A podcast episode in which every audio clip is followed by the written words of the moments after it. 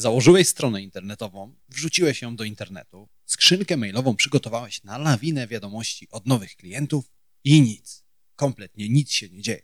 Nie widać klientów, którzy walą drzwiami i oknami, a w zasadzie to na horyzoncie nie widać ani jednego nowego klienta. Jak to możliwe? Przecież internet to głęboki ocean pełen grubych ryb.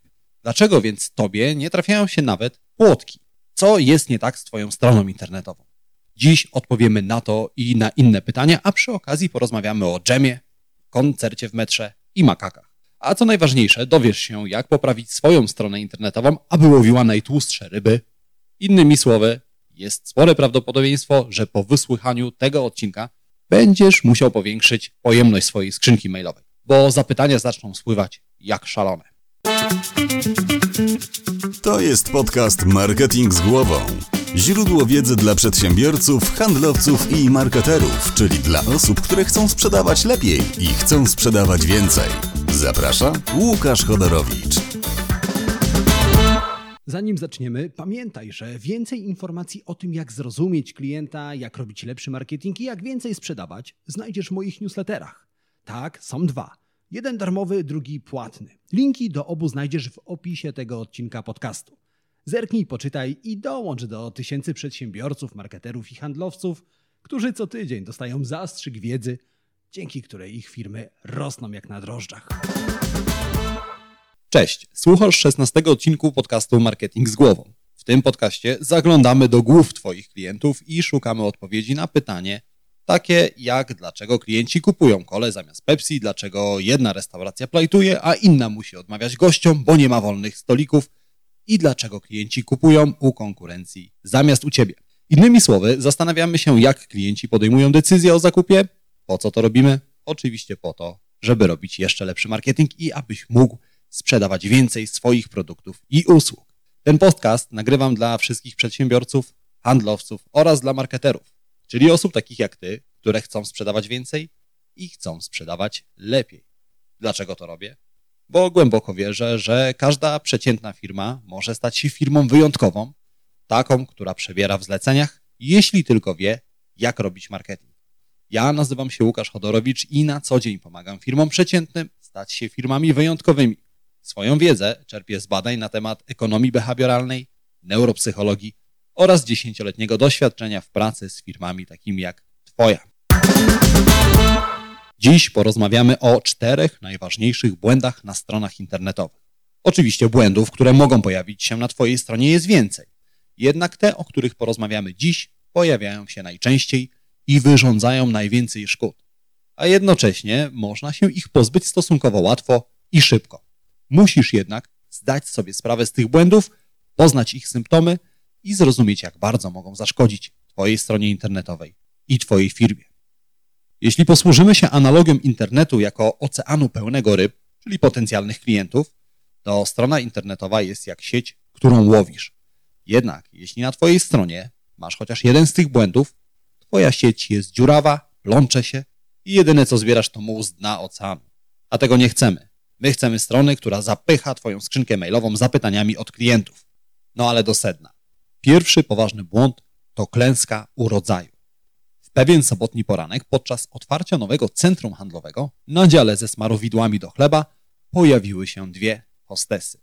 Hostesy rozstawiły przed sobą stoliki. Na stolikach ułożyły słoiczki z dżemami owocowymi w różnych smakach. Obie kobiety sprzedawały dżemy tej samej firmy i chciały sprawdzić, której uda się sprzedać więcej. Jednak każda z nich ułożyła nieco inną strategię. Pierwsza hostesa ułożyła na stoliku tylko sześć smaków dżemów. Druga z kolei ułożyła wszystkie, które miała, czyli aż 24 słoiki. Gdy drzwi centrum handlowego otworzyły się, a tłum klientów rozlał się pomiędzy alejami, jasne stało się, że większą ciekawość wzbudziła hostesa z większą ilością dżemów. Klienci otoczyli jej stolik ciasnym kordonem, tak, że z zewnątrz nic nie było widać. Klienci degustowali każdy rodzaj dżemu i zachwycali się różnorodnością smaków. Natomiast u hostesy, która oferowała tylko sześć smaków, kolejka była wyraźnie uboższa. Ludzie podchodzili, smakowali, odchodzili i tak przez cały dzień. Na koniec dnia obie hostesy podliczyły, ile słoików dżemu udało im się sprzedać. To, co się okazało, wydało się całkowicie bez sensu. Chociaż bogatsza oferta 24 różnych dżemów wzbudziła większe zainteresowanie, zaledwie 3% klientów zdecydowało się na zakup. Natomiast u hostessy, która na stoliku postawiła 6 słoiczków dżemów, aż 30% klientów zdecydowało się je kupić. Jak to wytłumaczyć? Za wszystko odpowiada paraliż decyzyjny. Kiedy mamy do wyboru zbyt wiele opcji, nasz mózg zaciąga hamulec ręczny i stajemy w miejscu, nie potrafimy podjąć decyzji. Na ogół uważamy, że większa ilość wyborów to lepszy wybór. Badania sugerują jednak, że jest całkowicie odwrotnie. Mniejsza ilość alternatyw to łatwiejszy wybór. Pomyśl, co wolisz? Porównać ze sobą trzy produkty czy 15 różnych produktów? Wybór spośród trzech produktów jest łatwiejszy, wybór spośród 15 produktów jest trudny. A gdy wybór jest trudny, pojawia się paraliż decyzyjny i nie potrafimy wybrać. Jak to ma się do Twojej strony internetowej? Jeśli Twoja strona internetowa jest zbyt skomplikowana, mózg Twojego klienta zaciąga ręczny hamulec i zawraca w stronę konkurencji. Co to znaczy, że strona jest zbyt skomplikowana? Kilka rzeczy. Po pierwsze, ma zbyt rozbudowane menu.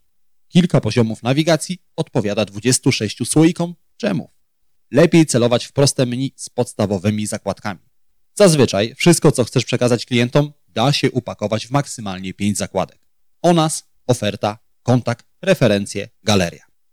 Po drugie, długie teksty na stronie internetowej odstraszają klientów. Nie twórz opasłych opisów. Tego i tak nikt nie czyta. Takie epopeje na stronach internetowych odstraszają klientów. Klienci chcą dowiedzieć się, jak możesz im pomóc, ale chcą dowiedzieć się tego szybko. Po trzecie, masz zbyt wiele wezwań do akcji. Wezwanie do akcji to taka jedna rzecz, którą chcesz, aby twój klient zrobił, gdy trafi na twoją stronę internetową.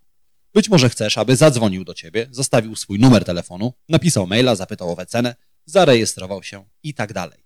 A być może chcesz, żeby zrobił te wszystkie rzeczy naraz. Jeśli tak, to właśnie zaciągnąłeś ręczny hamulec i pojawia się paraliż decyzyjny. Lepiej skup się na jednym, góra dwóch konkretnych i silnych wezwaniach do akcji.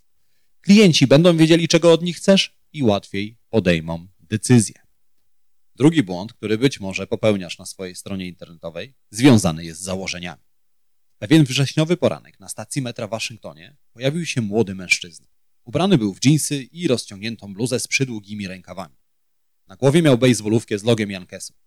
Niczym nie wyróżniał się od pozostałych przechodniów. O typowy mieszkaniec Waszyngtonu, który spieszy się do pracy. Tyle, że tak nie było. Młody mężczyzna stanął na środku peronu. Przed sobą rozłożył niewielką walizkę, z której wyjął skrzypce. Mężczyzna zaczął grać. Otwarta walizka sugerowała, że uliczny grajek liczy na drobne dowody uznania w postaci monet, tudzież banknotów. Czas płynął, a mężczyzna grał. Jednak większość osób nie zwracała na niego uwagi. Przez cały dzień, aby posłuchać jego muzyki, zatrzymały się dwie kobiety i ojciec z małym chłopcem. Pod koniec dnia mężczyzna za swoją grę zarobił 32 dolary i 12 centów. Zaskakująco mało. Ale najbardziej zaskakujące było coś innego. Skrzypce, na których grał mężczyzna, to Stradivarius z 1713 roku. Instrument warty 3 miliony dolarów. A mężczyzna nazywa się Joshua Bell i jest światowej sławy skrzypkiem. Aby posłuchać jego muzyki, ludzie zazwyczaj kupują bilety za 150 dolarów.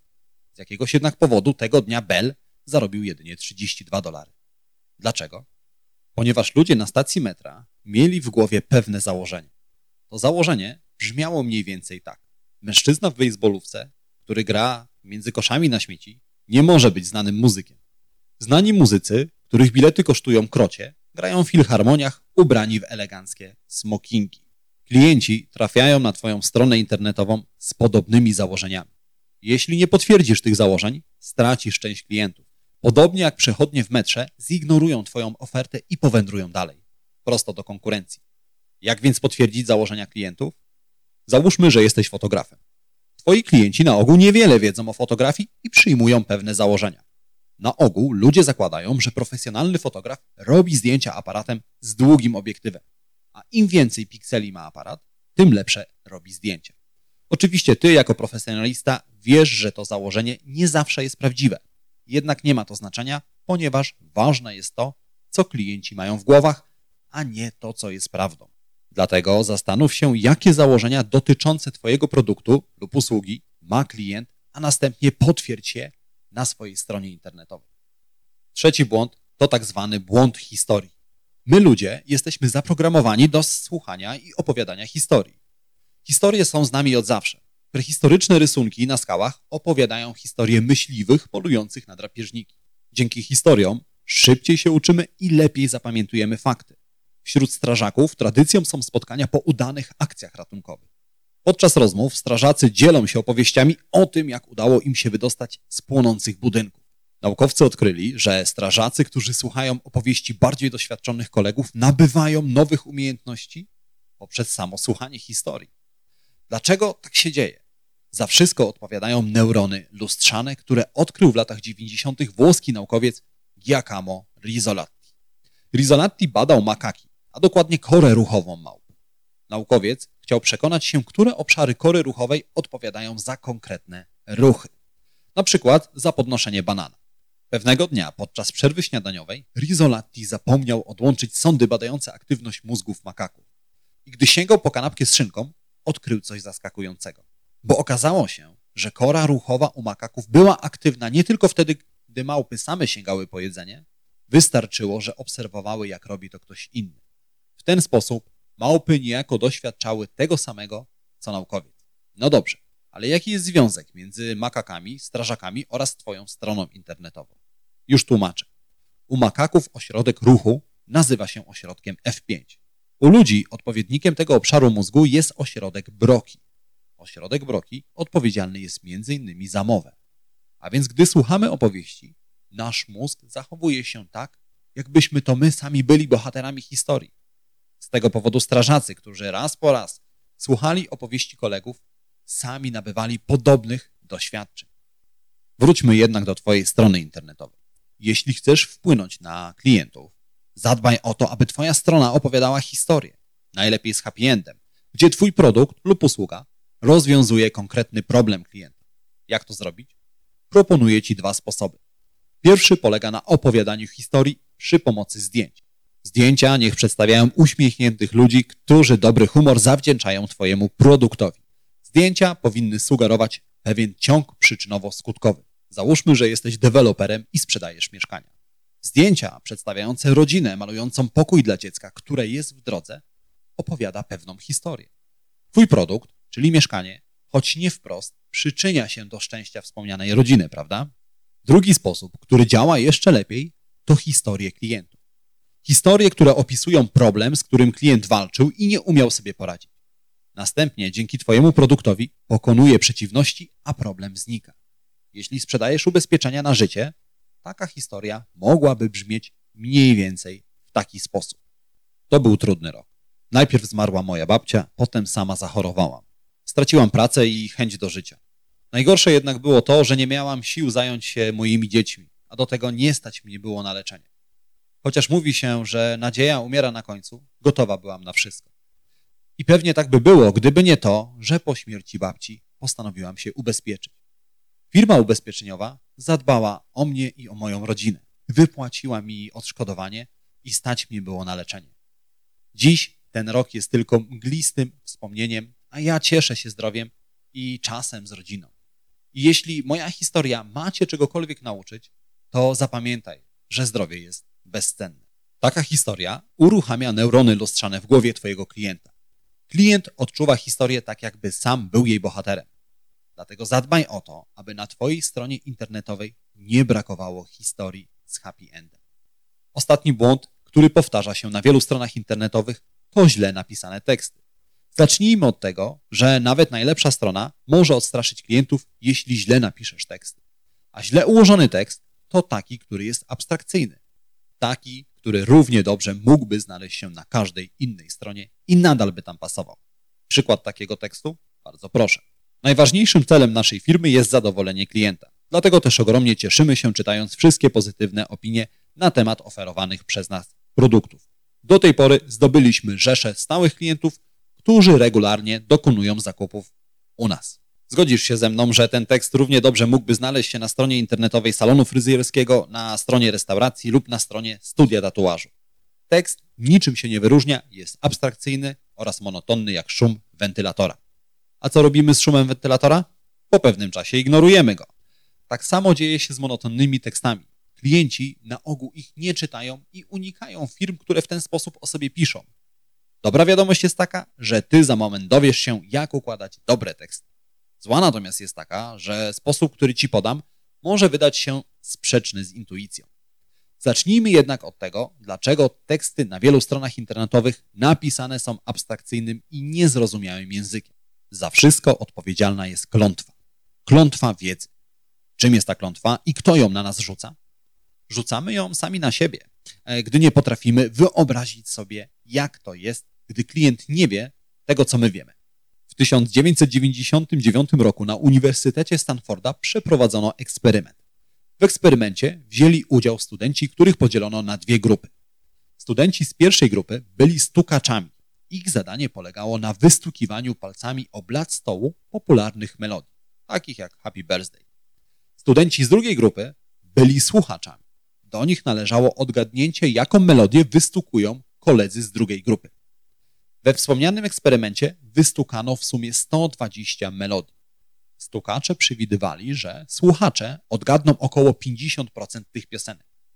Jednak słuchacze odgadli melodię zaledwie w 3% przypadków. To jedna poprawna odpowiedź na 40 wystukanych melodii. Zastanówmy się, skąd taka duża różnica pomiędzy przewidywaniami studentów a faktycznymi, poprawnymi odpowiedziami.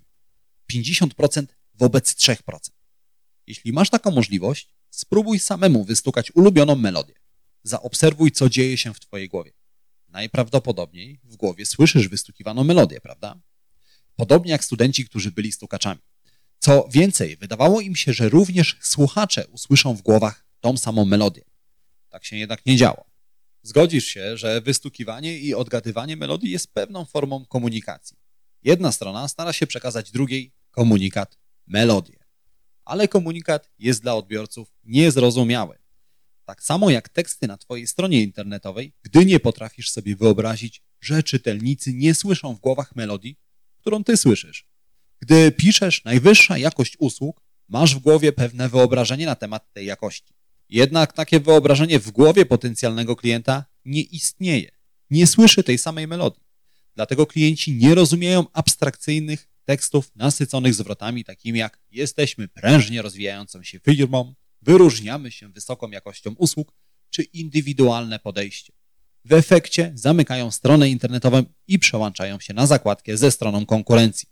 Jak walczyć z klątwą wiedzy? Najpierw musisz zdać sobie z niej sprawę. Ale ponieważ ty słuchasz tego podcastu, jesteś już o krok dalej niż twoja konkurencja. Następnie musisz przetłumaczyć abstrakcyjne zwroty, które mogą oznaczać wszystko, na konkretne sformułowania, takie, które klienci bez problemu zinterpretują. Zamiast pisać, naszym celem jest zadowolenie klienta, lepiej napisać 93% naszych klientów poleca nas swoim znajomym. W obu przypadkach treść komunikatu jest taka sama. Jednak pierwszy może oznaczać wszystko, a drugi jest konkretny i nie da się go inaczej zinterpretować. Układając teksty, zastanów się, czy czytelnik na pewno zrozumie to, co chcesz, aby zrozumiał.